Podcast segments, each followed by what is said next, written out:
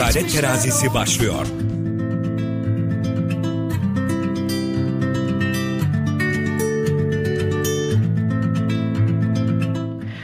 Herkese merhaba. Adalet Terazisi programına hoş geldiniz. Ben programcınız Gizem Gerçel. Her hafta haklarımızı öğrendiğiniz bir programdasınız. Hafta haklarımızı öğrenmenin yanında farklı konularda hukuksal süreçler nedir, ne değildir bunu da konuşuyoruz. Bugün yine çok değerli bir avukatımız konuğumuz. Ee, avukat Büşra Yemlihalıoğlu. Hoş geldiniz. Hoş bulduk Gizem Hanım. Çok teşekkür ederim. Nasılsınız? İyiyim. Sizler nasılsınız? Teşekkür ederim. Sizinle bir mirastan başladık. Bu üçüncü programımız. Evet. Mirası bir türlü bitiremedik. Evet. Ee, zaten çok sık gelen sorulardan birisi miras. Biraz Mira- da uzun bir e, Evet. gerçekten hukuki süreç olduğu için maalesef. e, Bakalım bu programda bitirebilecek evet, miyiz? bakalım.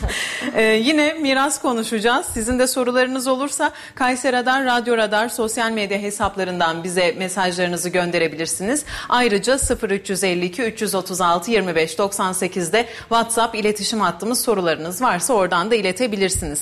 Mirasla ilgili bir giriş yapmıştık ama çok da uzun bir zaman geçti. O yüzden genel sorularla bir başlayalım sonrasında tekrar özel e, sorulara doğru inelim. işlemediğimiz konulara inelim isterim. E, miras ne demek? Miras hukuku nedir? Oradan başlayalım. Aynen öncelikle miras nedir ondan başlayalım. Ölen bir kimseden e, yakınlarına kalan para, mal veya mülke e, biz miras diyoruz. E, mirasta mal paylaşımı sırasında tereke üzerinde miras hakkına sahip yasal mirasçılar vardır. E, bunlara da biz yasal mirasçı ya da atanmış mirasçı di- diyoruz. Bu şekilde özetleyebiliriz yani. E, mirasçı kimdir? Bu onun içinde aslında söylemiş oldunuz Evet biraz da. aslında e, kısaca açıklamış olduk. O zaman veraset ilamına gelelim. O e, bize gelen sorular arasında da var. Veraset ilamını konuşur musunuz diye. Evet. Nedir, nasıl alınır? Veraset ilamı mahkemeden alınan e, ve ölen bir kimsenin mirasçısı olduğunu gösteren resmi belge aslında. E, yani kendisinin yasal mirasçısı olduğunu bizzat mahkeme kanalıyla e, tespit ettiriyor şahıs. E, sulh hukuk mahkemelerine müracaatta bulunuyor. E, bunun sonucunda da bir veraset ilamı alıyor. Yani ölen kişinin mirasçısı olduğunu gösteren belgeye aslında biz veraset ilamı diyoruz. Nasıl başvuracak? Öyle bir dilekçesi falan mı var? Tabii. Ee, yine mahkemeye dilekçe yoluyla sulh hukuk mahkemesine e, müracaatta bulunabilir mirasçılardan birisi.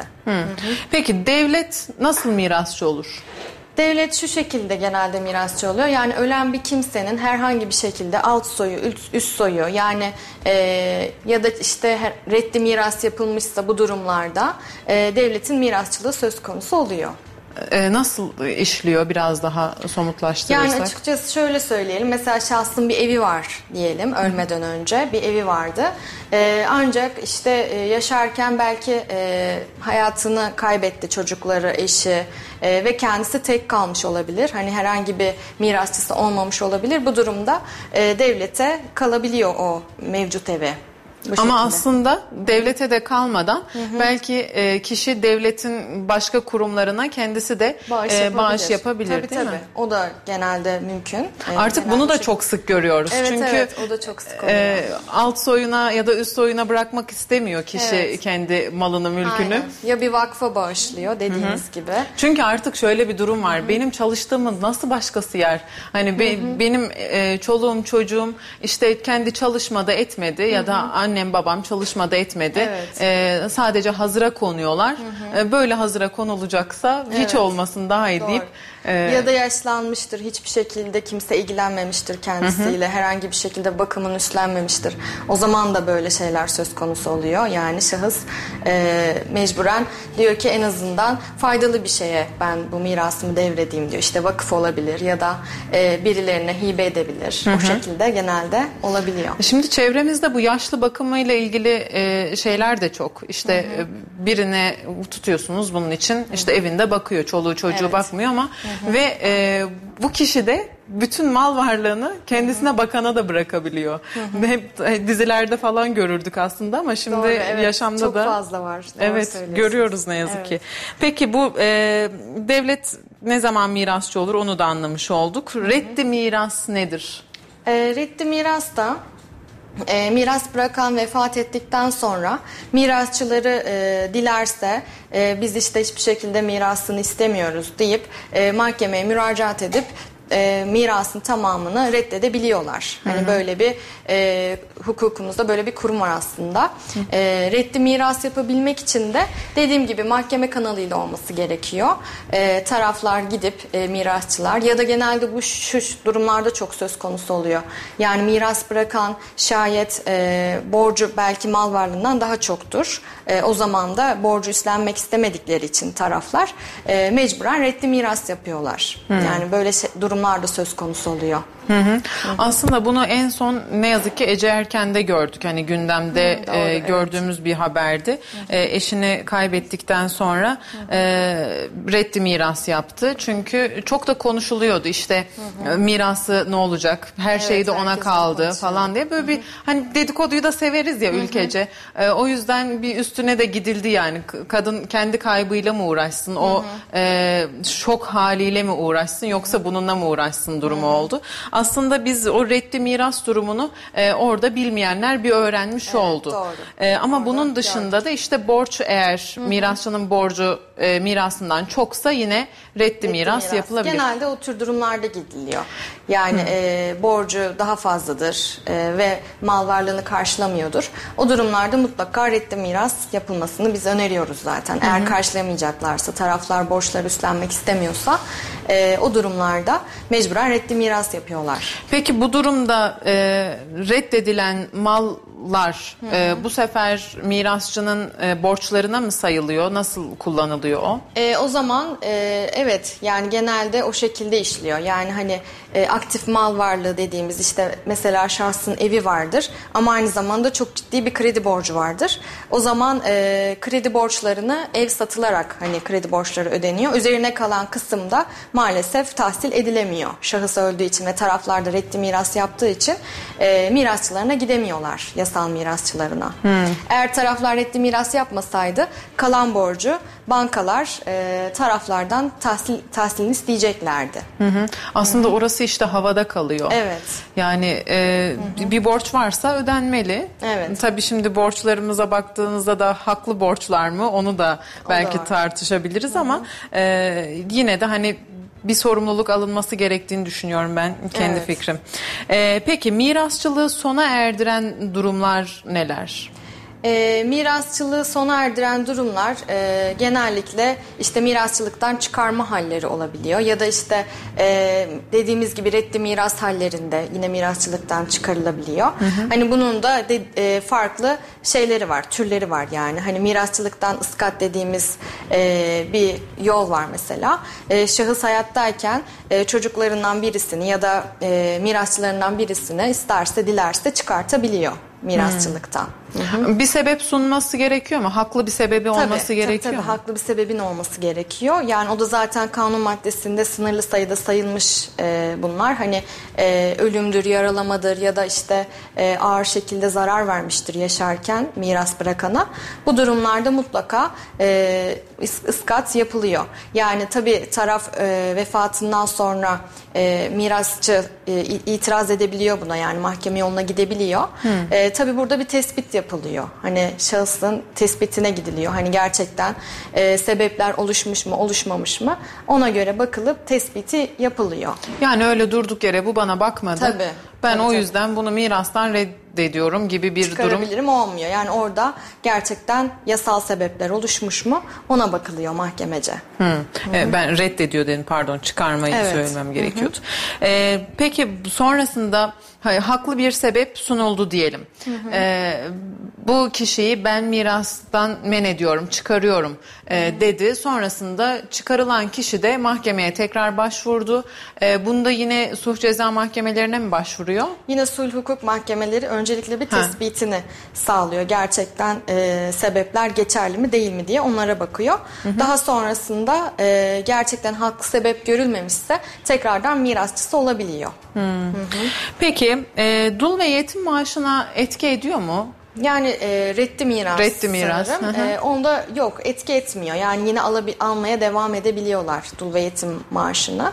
E, şahıslar yine almaya devam ediyor. Yani reddi miras onu etkilemiyor. Peki e, mirastan çıkarıldığı zaman kişi e, dul ve yetim maaşı da zaten alıyorsa o tamam devam ediyor. E, ama aldığında yani e, çıkarılmadığında da yine almaya devam edebiliyor. Bunda hiçbir sorun Hiçbir sakınca yok. Aynen. Tamam. E, kanunda sayılan en yakın mirasçıların hepsi mirası reddetmişse e, bu yine devlete mi bırakılıyor? Ee, en yakınları reddetmişse bir de onların alt soylarına bakılıyor. Yani diğer kalan e, alt soy ya da üst soy var mı? Hani orada bir çünkü soy ağacı dediğimiz bir sistem var.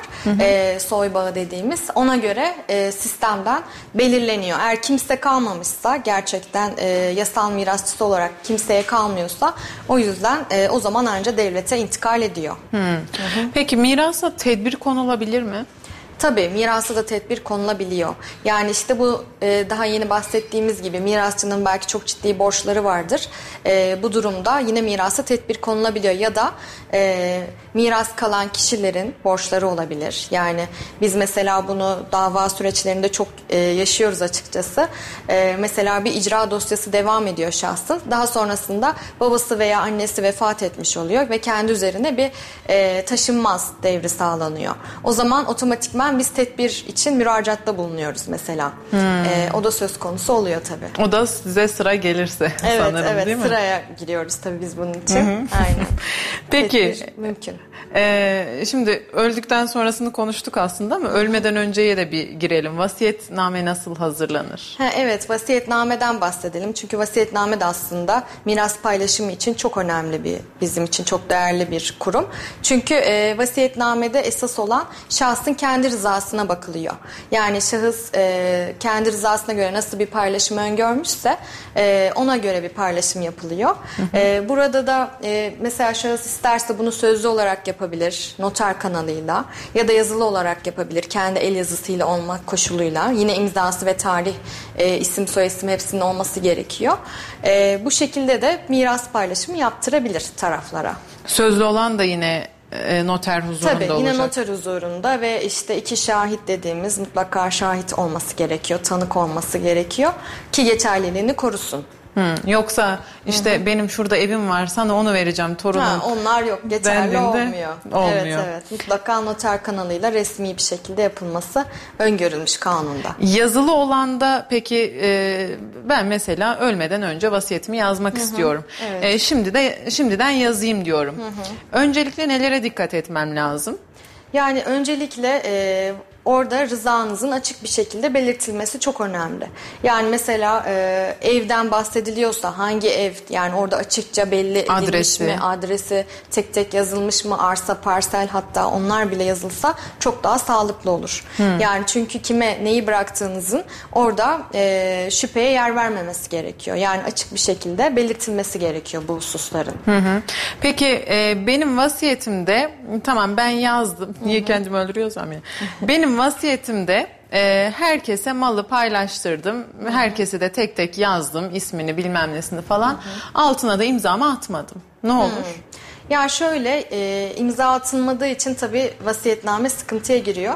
Ama e, doğrudan da iptali söz konusu olmuyor. Şimdi buna mahkemede zaten bir incelenme süreci var. Çünkü vasiyetname yazıldı diyelim. E, taraf da bunu saklıyor hani bir yerde. Belki saklamıştır. Öldükten sonra e, mirasçılar bu vasiyetnameyi bulduğu an zaten sulh hukuk hakimine bunu teslim etmesi gerekiyor. Bu onların yasal sorumluluğu aslında. E, hakim bunu e, kendi takdirinde olmak üzere zaten değerlendiriyor. Yasal unsurları oluşmuşsa e, vasiyetnameyi kabul ediyor ve ona göre paylaşım yaptırıyor taraflara. Hı, bunun bir süresi var mı? Yani ben Bulduğunuz- öldükten sonra bir 5 yıl sonra buldular diyelim. Ama o zamana kadar da e, malı paylaştılar kendi aralarında. Nasıl o bir- zaman e, yine sıkıntı oluyor. Çünkü 5 yıl sonra bulunsa bile onun o anda yine dediğimiz gibi e, mahkemeye verilmesi gerekiyor. Yani mutlaka bula- bulduğunuz takdirde götürmeniz gerekiyor. Aksi takdirde bunun bir de ceza yaptırımları var. Yani hani teslim etmezseniz ya da işte saklarsanız ya da kaybederseniz kasıtlı olarak böyle şeyler yapılırsa bunların da çok ciddi cezai e, boyutları var yani hapis cezası gibi. Hmm. Aslında şey diye düşünülebilir. Aman kim nereden bilecek işte bulduk da Evet, e, evet. kardeşlerimiz arasında da zaten o mal paylaşımını yaptık biz. E, yani yırtat bunu sonuçta üzerinden de kaç sene geçmiş. Ki oluyor da. Evet, oluyordur, Kişiler, doğru. davalar hani geliyor mutlaka biz de yaşıyoruz böyle süreçler ama e, dediğimiz gibi bunun tespiti halinde çok ciddi cezai yaptırımları var. Yani olmaması daha Hmm. Peki sağlıklı. öncesinde e, malı paylaştılar E, ama sonradan çıktı yine bu e, vasiyetname. E, tekrar o mallar birbirine geçirilmesi mi gerekiyor? Vasiyetnameye göre mi uygulanması gerekiyor? Vasiyetnameye Yoksa göre uygulanması gerekiyor. Eğer mümkünse yani işte tarafların üstüne geçmiştir. Belki üçüncü bir şahsa devri e, sağlanmıştır. Hani o zaman zaten çok mümkün olmuyor ama e, vasiyetname ortaya çıktığı anda onun uygulanması gerekiyor. Çünkü e, kanun koyucu da zaten e, aynı görüşte burada. Diyor ki burada amaç e, vasiyetnamedeki amaç diyor e, irade yani oradaki ölen kişinin iradesini korumak bizim miras hukukumuzun temel prensibi yani öyle düşünelim. O yüzden de e, yasal hatta bu yasal paylaşımdan daha da önemli vasiyetnameyle paylaşım yap- yaptırılması. Aslında çünkü muhatabında yok ya. Evet, aynen. E, o yüzden hani e, bu, bunu daha somutlaştırıp sonuca ulaşmak çok zor. E, Evet, bu süreçte e, şey var mı? İşte hani belli süreçler var ya e, zaman aşımları. He, zaman E, aşımı. hı. Burada da öyle bir durum söz konusu mu? Burada e, yine zaman aşımı e, yine 5 yıl 10 yıl arası belki bir zaman aşımı öngörülüyor ama e, bulunduğu anda direkt teslimi e, öngörülmüş. Yani bulunduğu takdirde direkt doğrudan onu ilgili mahkemesine, e, hakimine vermesi gerekiyor. Peki e, kişi ölmeden önce evlatlık almış. E, evlatlık için mirasını bö- bölüştürebilir mi diğer evlatlarından Tabii. farklı olarak? Evlatlık çünkü şu şekilde bizim miras sistemimizde e, miras bırakan e, öldüğü takdirde e, evlatlığı da aynı diğer çocukları gibi miras hakkına sahip olabiliyor.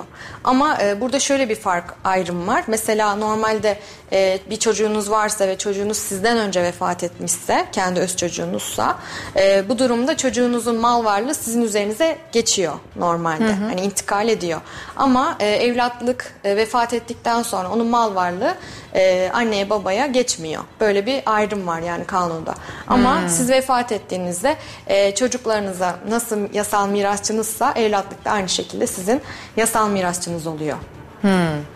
Peki şimdi yeni bir soru da oluştu.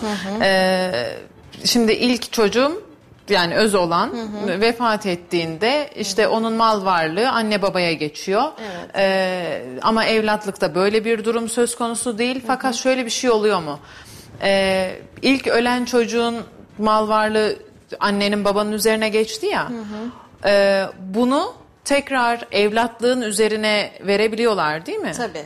Çünkü şöyle O artık onun malı gibi olmuş Ee, oluyor. o çünkü. artık tabii anne babanın malı olmuş oluyor. Anne baba da vefat ettikten sonra yasal mirasçıları kimse ki buna evlatlık da dahil olmak üzere aslında dolaylı yoldan geçmiş oluyor ama yine de geçişi mümkün olmuş oluyor. Ama daha önce konuştuğumuz programlarda şeyi de söylemiştik. e, koruyucu aile olduğumuz zaman ona ne yazık ki Evet, verilemiyordu değil mi? Onu tekrar söylemiş Evet. olalım. Tam Çünkü orada gelmişken. normal evlatlık gibi olmadığı için sadece koruyucu aile hani bakımını gözetimini sağlayan aile oldukları için hani yasal olarak onların öyle bir hakkı söz konusu olmuyor. Aslında burada şöyle bir uygulama belki yapılabilir. Ee, yani 15 yıl 16 yıl beraber yaşadığın çocuksa o, o artık hani senin gibi oluyor ya. Yani sonrasında evlatlık da alınabiliyor mu alınamıyor mu belki bunu uzmanlarla konuşmak lazım ama Evet. e, 15-16 yıl birlikte yaşıyorsun. Ona da verilmesi gerektiğini düşünüyorum. Hakkı yani sonuçta baktığımızda. Normalde evet hani sadece evlatlık prosedürünün işte yazılı bizde her zaman esastır ya e, evlatlık prosedürünün gerçekleşmesi halinde yine mirasçısı olabiliyor. Yani oradan sonra belki dediğiniz gibi e, evlatlık edinebiliyor mu ona bakmak gerekiyor. Gerçekten evlat edinebiliyor mu? Hı hı. Ama işte edinemiyorsa Evet. E, o zaman o sıkıntı oluyor boşa maalesef. gitmiş oluyor. Evlilik dışı çocuğun mirastan paya hakkı var mı? Ee, şöyle evlilik dışı çocuk da yine e, burada işte soybağının tespiti davası diye bizde bir dava türü vardır.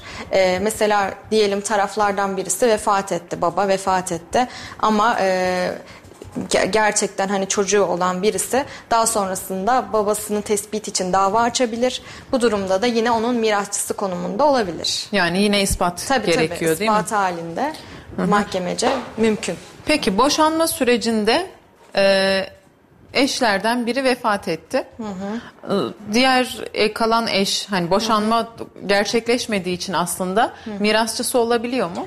Burada şöyle bir ayrım söz konusu. Ee, normalde davayı kimin açtığına öncelikle bir bakılıyor. Ve e, taraflardan e, mesela ölen kişinin mirasçıları davayı isterlerse devam ettirebiliyorlar. Hani boşanma davası sonuçlansın. Evet gerçekten boşansınlar. Ondan sonra mal paylaşımı yapılsın e, şeklinde ilerleme hakları var.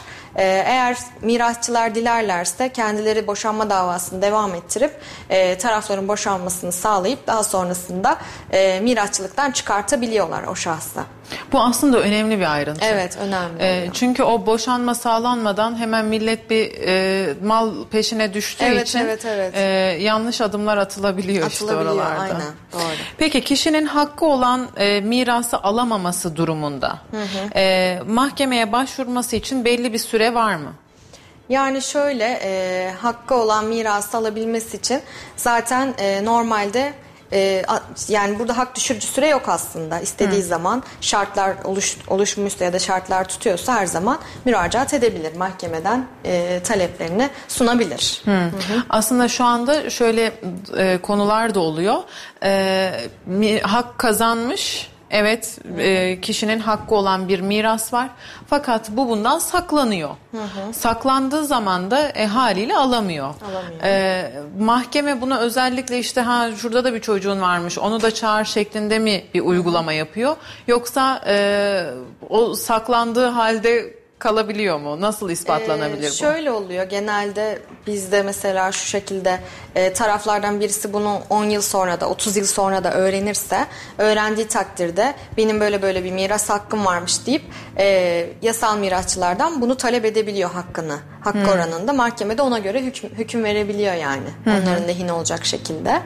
Sonradan da isterse mahkemeye dava açıp bu şekilde tespitte bulunabilir ama ee, eğer bu durum gizlenmişse hakim bunu tabii resen gözetmekle normalde mükellef ama e, o dönem gözden kaçırılmışsa ve bu durum tespit edilememişse e, daha sonrasında dediğimiz gibi bu hak kaybına uğrayan şahıs dava açıp kendi miras hakkını talep edebiliyor. Peki adresi bilinmeyen e, mirasçıların payı nasıl alınır? Adresi bilinmeyen kişiler için e, yani yine burada da dediğimiz gibi tespit işlemleri yapılıyor. Yani e, bunu miras bırakanın adresi mi yoksa mirasçılar mı? Mirasçıların adresi bilinmiyor. Ha, mirasçıların adresi bilinmiyorsa e, yine e, ölüm kaydı bir şekilde ulaşıyor. Bir de E-Devlet diye bir sistemimiz olduğu için hani oradan da zaten tarafların görmesi mümkün bu durumu. E, hani ölen kişinin olup olmadığını, miras malının olup olmadığını o şekilde de tespit edebilirler.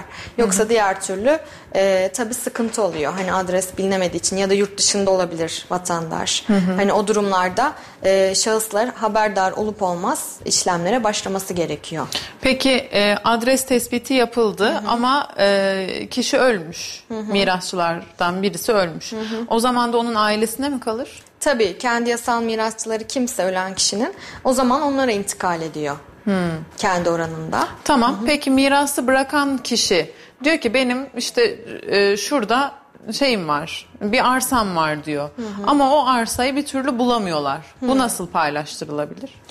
Ee, ölen kişi mi bu şekilde beyanda bulunuyor? Evet ölen kişi demiş ki vasiyetnamesine yazmış. Benim işte e, özellikle Kayseri'de de çok olur ya Hisarcık'ta şurada Doğru. bir arsam var diyor.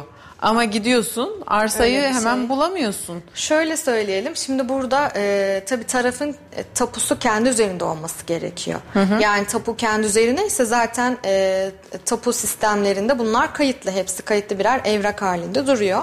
E, zaten tarafların burada vasiyetnamede yazmasına değil e, tapuda gerçekten kendi üzerine kayıtlı mı değil mi ona bakılması gerekiyor. Oraya göre hüküm verilebilir yani. Zaten tapuda da adres yazıyor. Evet tapuda zaten parsel, ada parsel hepsi yazdığı için e, bu konuda çok sıkıntı çıkmaz diye düşünüyorum. Tapunun kaybolması durumunda nasıl bir yol izlenir? E, tapu kaybı olsa bile e, şu anki Sisteme tapu sistemi ya da. tabii çok e, geliştiği için sistemde hepsi mevcut yani. Hani aslı orada tarafların elinde olmasa bile sistemde kayıtlı olduğu için oradan bizzat gidip isteyebilirler tapu müdürlüğünden. Peki. Ee, en çok yaşadığımız sorunlardan biri mal kaçırma aslında. Evet. Buna programın başında biraz giriş yaptık ama e, mal kaçırmanın unsurları neler? Şimdi mal kaçırma e, nasıl oluyor? Öncelikle ondan bahsedelim. E, mesela taraflardan birisi genelde bu şu şekilde oluyor. Özellikle İç Anadolu bölgesinde ya da Doğu Anadolu'da daha çok oluyor. E, onu belirtelim. E, mesela diyor ki işte ben diyor kız çocuğuma ya da erkek çocuğu olarak belki burada bir mal kaçırma olabiliyor. Mesela ben işte iki tane oğlu var bir tane kızı var diyelim ya da üç tane oğlu var iki tane kızı var diyelim. Ben işte kızlara bizim burada mal verilmez mesela diyor. E, Genelde yaşarken e, hayattayken şahıs e, ölmeye de yakın bir yaş, yaşanmışsa bayağı da o dönem işte tüm mal varlıklarını oğullarının üzerine geçirebiliyor. Sırf işte kızlarına mal düşmesin diye.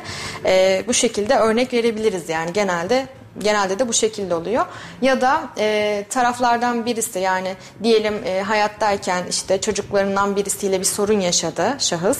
O zaman diyor ki işte sinirleniyor belki öfkeleniyor. Ben ona işte mal falan bırakmam diyor. E, ondan işte mal bırakmamak adına da tüm mal varlığını diğer çocuklarına ya da işte başka birisinin üzerine devredebiliyor. O zaman Aslında da bu yine- mirastan mal kaçırma oluyor. Ee, Aslında bu yine vasiyetnamede e, yani hakkı değil mi adamın hani hangi çocuğuna ne isterse onu verebilir Aslında normalde. şöyle bir ayrım var orada. Vasiyetnamede de e, mal varlığının tamamını bölüştüremiyorsun. Yani e, diyelim dört tane çocuğun var. Bunların bir de kanunun sakladığı paylar var. Mesela kanun belli başlı oranda saklıyor çocukların paylarını. Sen vasiyetname ile sadece o saklı pay dışında kalanları paylaştırabiliyorsun. Yani aslında tamamını paylaştırıyoruz gibi algı oluşuyor e, bizle, bizlerde ama öyle değil yani tam olarak. Çünkü kanun koyucu vasiyetnameyi incelerken ona da bakıyor. Hani e, burada işte mal varlığının tamamında işte saklı payları zedelemiş mi diğer e, evlatlarının, diğer mirasçıların saklı payını zedelemişse o zaman e, tekrardan bir düzenlemeye gidiyor. O saklı payı biraz daha açalım mı?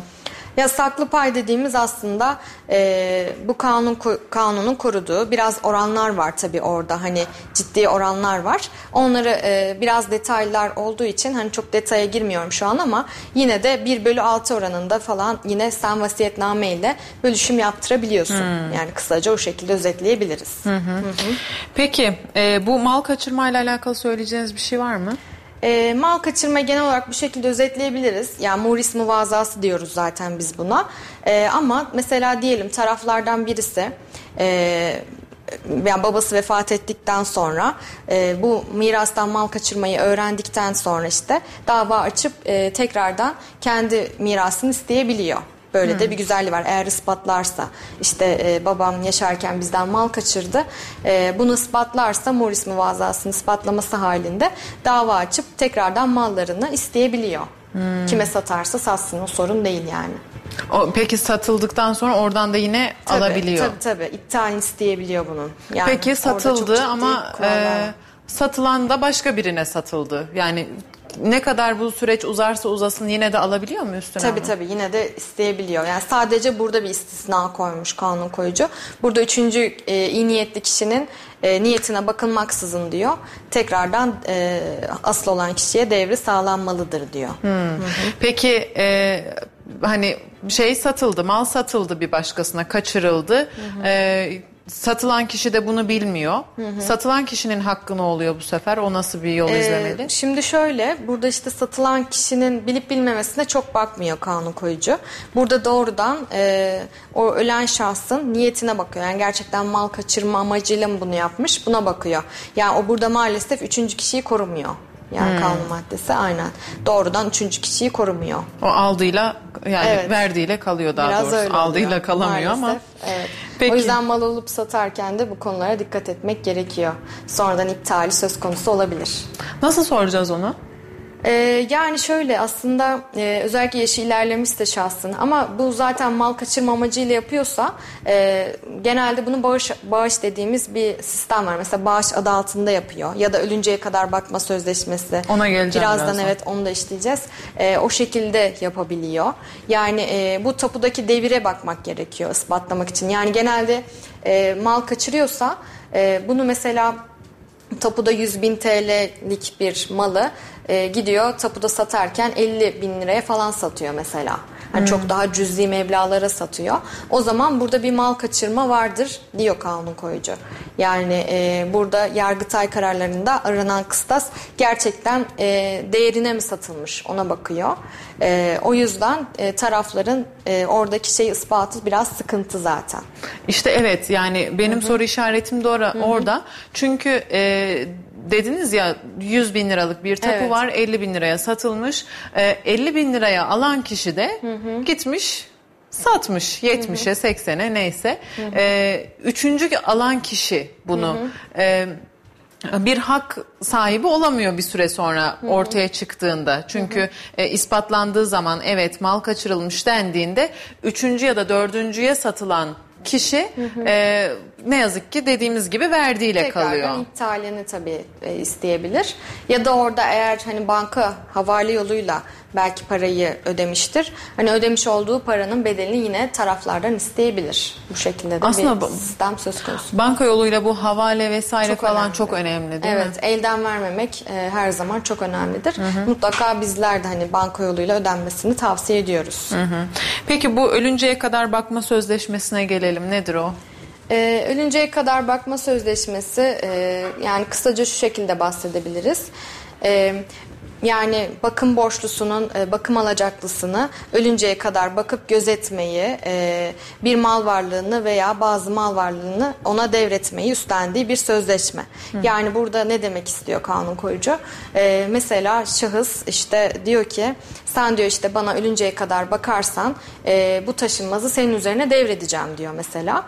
Bu durumda e, ölünceye kadar bakma sözleşmesi imzalıyorlar E, ve gerçekten de o şahıs o kişinin bakımını gözetimini yerine getiriyorsa gerçekten ona e, hak ettiği gibi bakıyorsa o zaman öldükten sonra e, tapu devri gibi bir şey oluyor. Yani gerçekten tam olarak o şahsa taşınmaz devredilmiş oluyor.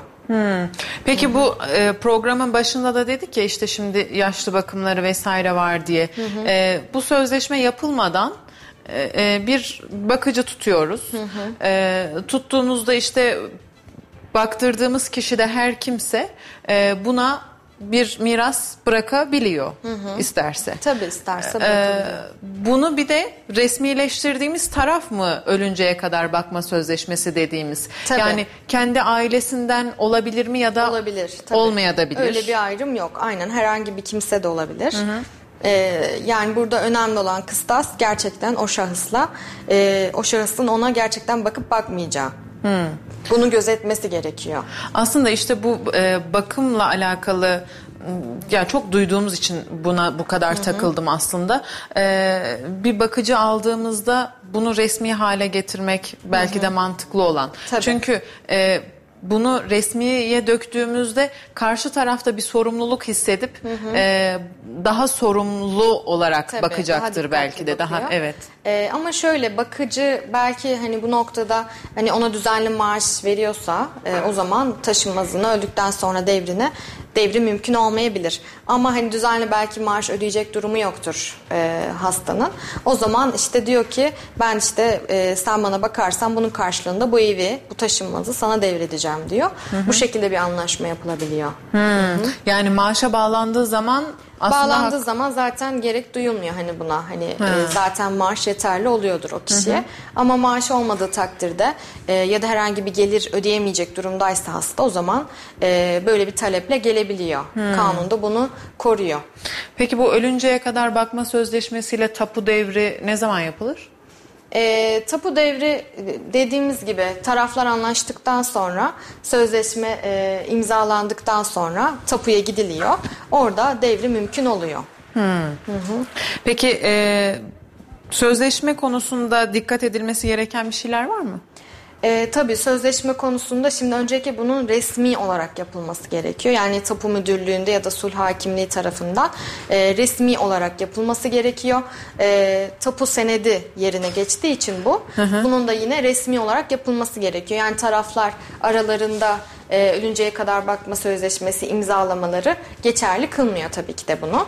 Bunun e, noter huzurunda e, ya da işte sulh hakimliği huzurunda resmi olarak yapılması gerekiyor.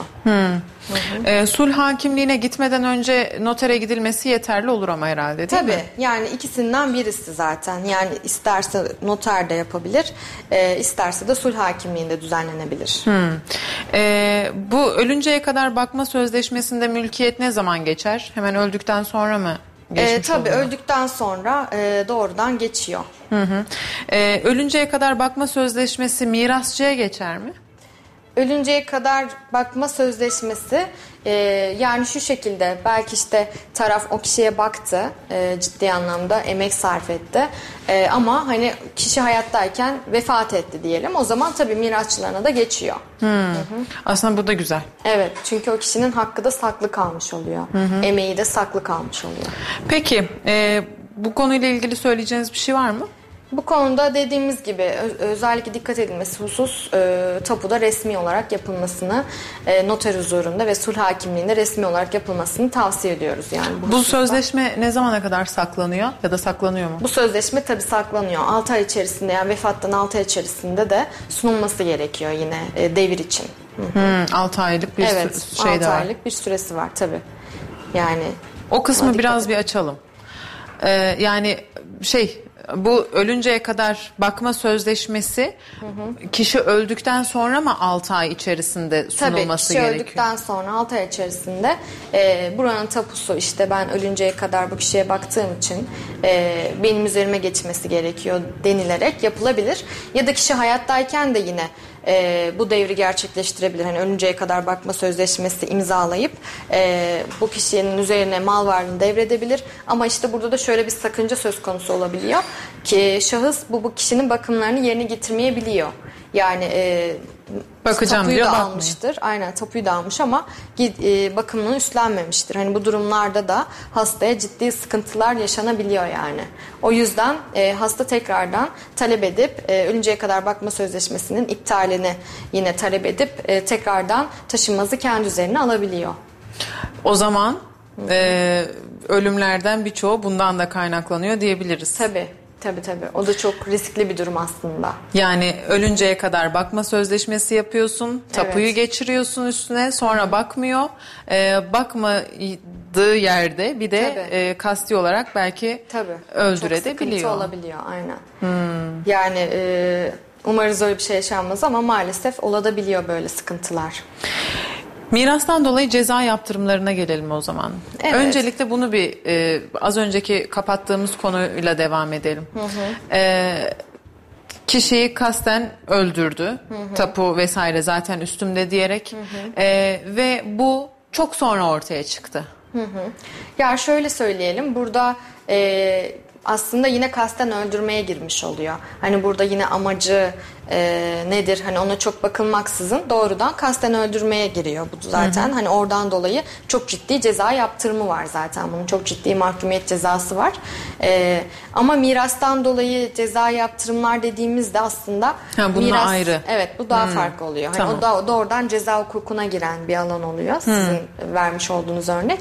Ee, ama mirastan dolayı ceza yaptırımlara değinecek olursak bu da genelde miras bırakana veya miras bırakanın yakınlarından birine karşı ağır bir suç işlenmesi halinde.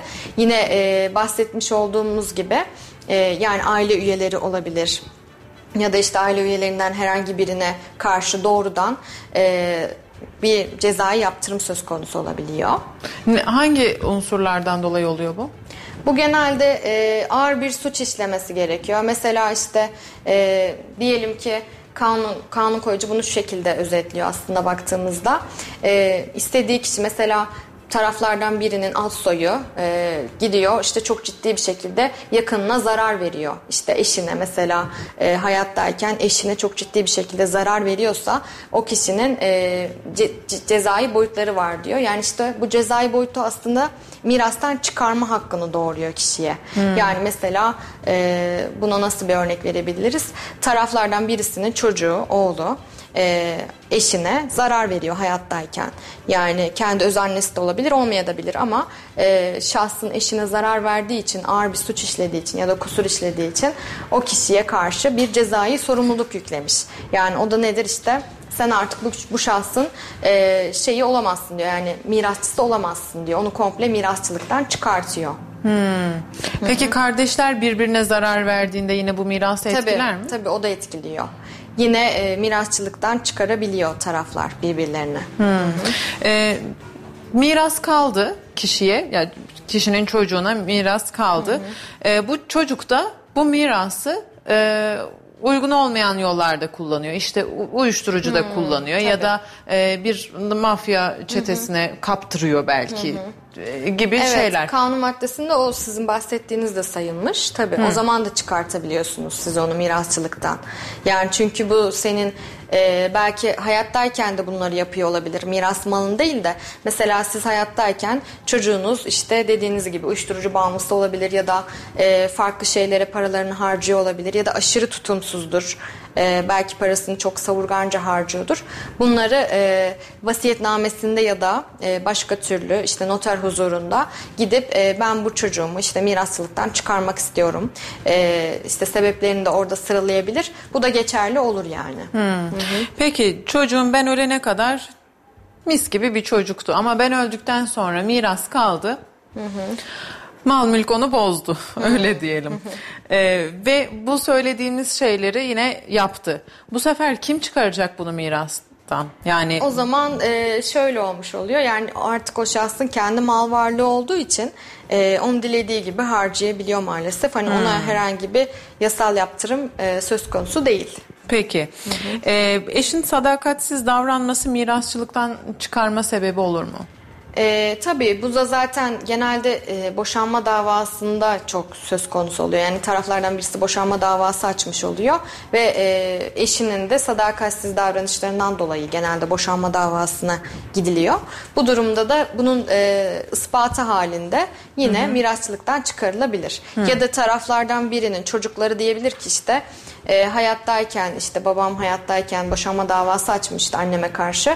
Ama annem e, sadakat e, sorumluluklarını yerine getirmediği için boşanma davasını biz devam ettirmek istiyoruz. Annemi mirasçılıktan çıkarmak istiyoruz diyebilirler. Hani bu hmm. da söz konusu. Hmm, peki. E, borçlularına borcunu ödememek için mirası reddeden mirasçıların e, alacaklarının durumu ne olur? Yani burada da e, şöyle o zaman alacaklılar şunu yapabilir, şunu yapabilirler. E, reddi mirası e, reddini talep edebilirler. Yani alacaklı diyebilir ki bu bizden mal kaçırmak için mirası kabul etmedi, mirası reddetti. Bizim bize normalde işte şu kadar borcu vardı e, ve gelen miras da bu borcu karşılıyordu. Hı hı. Ama bu borcu ödememek adına bizden e, miras kaçırıyorlar deyip bu reddi mirasın hükümsüzlüğü için dava açabilirler. Hani bu da yasal olarak mümkün. Hı hı. E, dava açıp bunun gerçekten ispatı halinde e, tekrardan şahısların e, üzerlerine mal geçip ve alacaklılarına da devri e, söz konusu olabiliyor. E, bunda hangi mahkemeye başvuruyorlar? E, yine sulh hukuk mahkemesine gidilip e, reddi mirasın hükümsüzlüğü için müracaatta bulunuyor. E, bu şekilde de mümkün oluyor. Peki orada e, alacaklı olduğunu ispat etmeli mi bu davayı açabilmek için? E, şöyle söyleyelim tabii ispatı söz konusu oluyor. Çünkü e, hani o kişiden mal kaçırdığı için, mal kaçırma amacıyla yaptığı için bunun tespiti adına e, bu şekilde yapılabilir. Ya zaten bunu da şu şekilde özetleyebiliriz. Normalde e, nedir? İşte miras mal varlığı yüksek oranda mesela çok ciddi bir mal varlığı vardır ölen hı hı. kişinin. E, ama taraflar kasıtlı olarak reddi miras yapmıştır. Hani borcu da yok. Hani herhangi bir şekilde bir şey de yok hani ölen kişinin. E, buna rağmen reddi miras yapmışsa zaten burada e, şey ciddi bir şüpheye düşürüyor yani bu olay bizi. Hani buradan yola çıkarak da hakimler reddi mirası kabul etmeyebiliyorlar. Aslında Mahkeme orada kararıyla. yani şu da yapılabilir. Ee, ne bileyim belki benim hakkım değildi canım bu. Yani ben almak istemiyorum. Ee, bunu deyip verdiğinde yine e, kendi borçların falan varsa sen onun sorumluluğunu alıyorsun baktığında. Evet. Ee, bunu hakkın olmayan bir malı kullanarak yapmak da içine sinmiyor. Ee, bilmiyorum içine sinmeyen var mı? Ee, umarım vardır. Ee, yani bu durumda reddi miras yaptığında e, alacakları evet dava açıyor ve diyor ki hayır yo yapmasa da olurmuş çünkü hiçbir sorun yok ortada. E, bu durumda bu vicdana sahip olan insan ne yapmalı? Yani bu durumda yine e, burada zaten dediğimiz gibi kanun koyucu tamamen kişinin amacına bakıyor. Yani gerçekten e, borcunu ödememek için mi böyle bir yola girişiyor yoksa gerçekten bunu vicdanen kabul etmediği için mi ya da neden kabul etmiyor?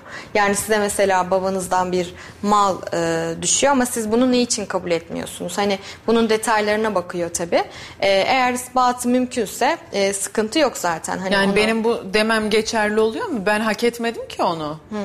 E, tamam babam bana mal bırakıyor ama ben hak etmiyorum bunu. Kendi çalıştı, kanunen kazandı. hak etmiş oluyorsunuz ama e, vicdanen tabi bakış açısına göre de kabul etmeyebilirsiniz.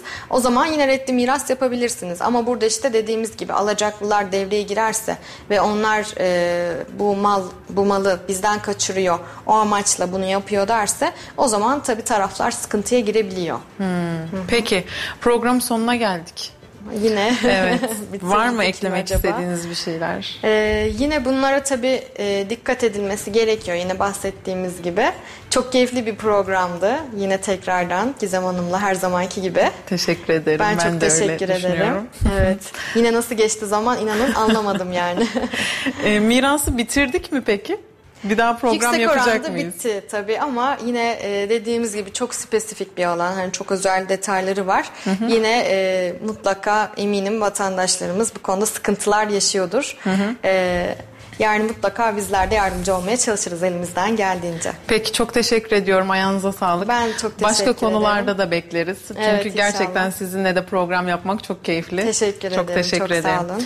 Evet programın sonuna geldik. Adalet Terazisi programındaydınız. Ben programcınız Gizem Gerçel. Haftaya bir başka avukatımızla başka bir konu üzerine burada e, sizlerin huzurunda oluyor olacağız. E, o zamana kadar kendinize iyi bakın. Bu arada programı tekrar izlemek isterseniz ya da dinlemek isterseniz dilerseniz Spotify üzerinden, e, Radyo Radar hesabından ve sosyal medyalarımızdan da yine Facebook'tan ve Instagram'dan da takip edebilirsiniz. Oradan tekrar tekrar izleyebilirsiniz. Teşekkür ediyoruz bize e, katlandığınız için. Kendinize iyi bakın, hoşçakalın.